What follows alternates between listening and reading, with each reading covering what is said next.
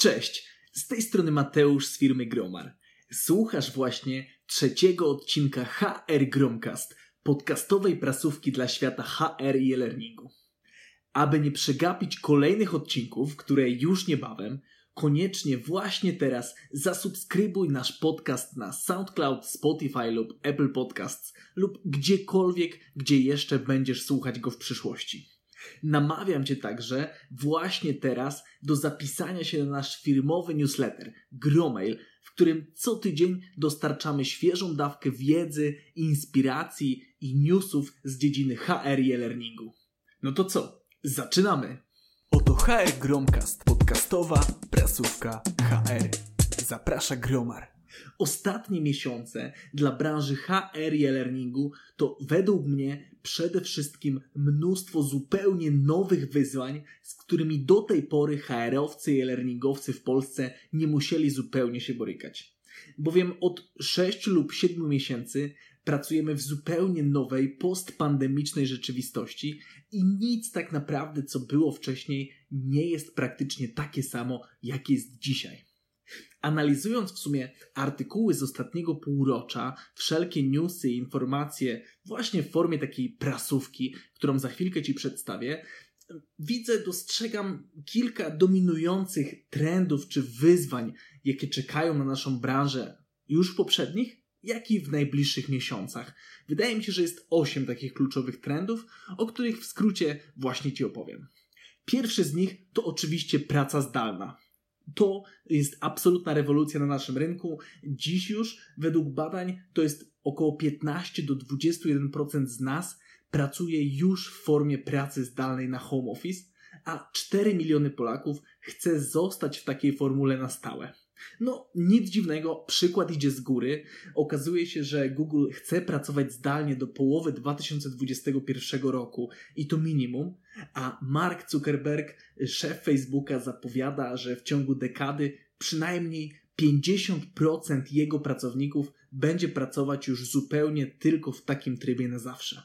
W Polsce też mamy konkretne przykłady takich zachowań, czy to firma No Fluff Jobs, czy NetGuru, czy wiele, wiele innych struktur, również Gromar, już dziś mniej więcej łączą jakoś ten tryb zdalny, tak powiedzmy 50 na 50 i ten tryb hybrydowy łączący w sobie okazjonalną pracę stacjonarną i zdalną. W ogóle o pracy hybrydowej bardzo ciekawy artykuł napisała Maja Gojtowska na swoim blogu, który linkuję poniżej. Dodatkowo wszelkie artykuły, o których będziemy mówić w czasie tej prasówki, również zamieszczam w opisie tego odcinka i w artykule, osobnym artykule poświęconym temu odcinkowi na blogu Gromar.eu, więc serdecznie Cię zapraszam, abyś ten artykuł rzetelnie sprawdził. Drugi kluczowy dla mnie trend, no to wejście w życie rekrutacji online. Jak pewnie wiesz, koszt nietrafionej rekrutacji przy pensji powiedzmy 5 tysięcy złotych brutto, szacunkowo to nawet 40 tysięcy złotych. Na szczęście dziś już o wiele łatwiej jest prowadzić rekrutację zdalną. 40% polskich pracowników już zupełnie nie ma z tym problemu i jest to dla nich zupełnie naturalne. Bardzo ciekawe swoją drogą, jak wielu HR-owców traktuje to jako już normalną, zwykłą codzienność. Taką rekrutację online w dużym uproszczeniu można prowadzić trzema kanałami.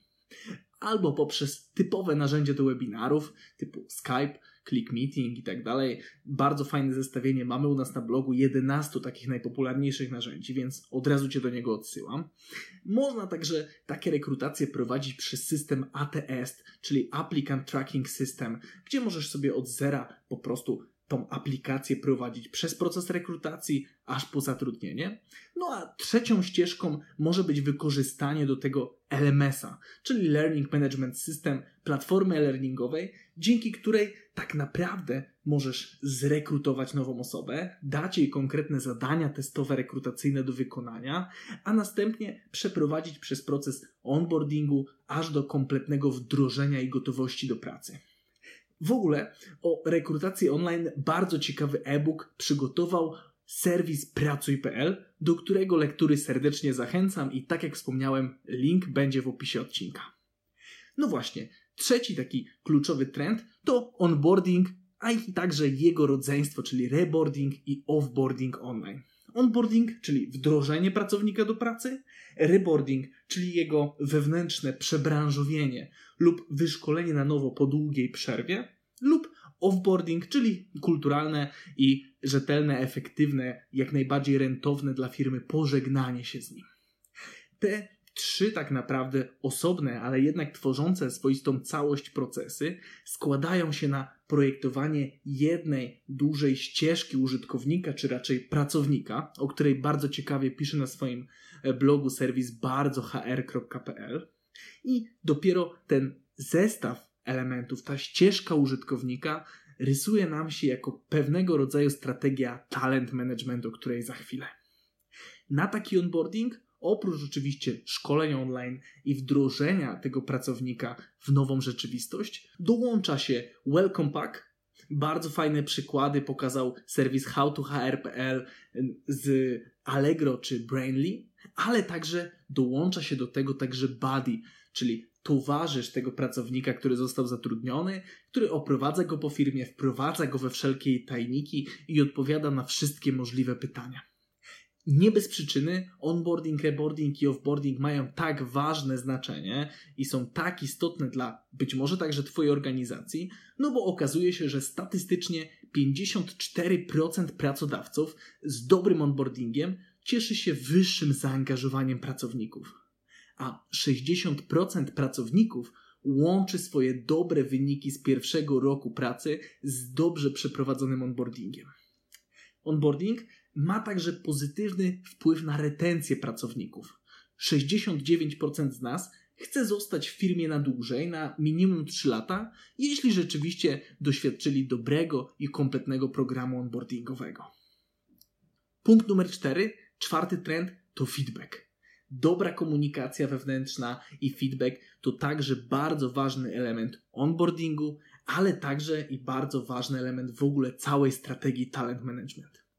Narzędzia, które możemy wykorzystywać do feedbacku, to m.in. ankiety, to m.in. badania pulse check, komunikatory i fora dyskusyjne, wszelkie narzędzia do sprawnej komunikacji wewnętrznej, ale także oceny współpracowników trenera lub badiego, testy kompetencyjne i dobrze zaprojektowane właśnie wspomniane wcześniej ścieżki kariery i rozwoju. Te całe ścieżki użytkownika od wejścia do organizacji aż po, po wielu, wielu latach wyjście z tej organizacji gromadzenie tego feedbacku i przekazywanie go pracownikom również ma konkretny statystyczny wpływ na naszą organizację. No bo 92% z nas uważa taką konstruktywną krytykę za coś, co poprawia nasze wyniki pracy, wyniki efektywności naszych działań.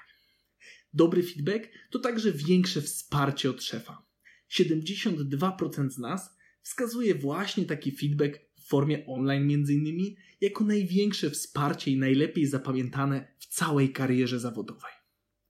Piąte wyzwanie, wyzwanie numer pięć to talent management, czyli właśnie zestaw tych wszystkich procesów od momentu rekrutacji poprzez onboarding, zbieranie i przekazywanie feedbacku, aż po kompletne wdrożenie w codzienną pracę organizacji.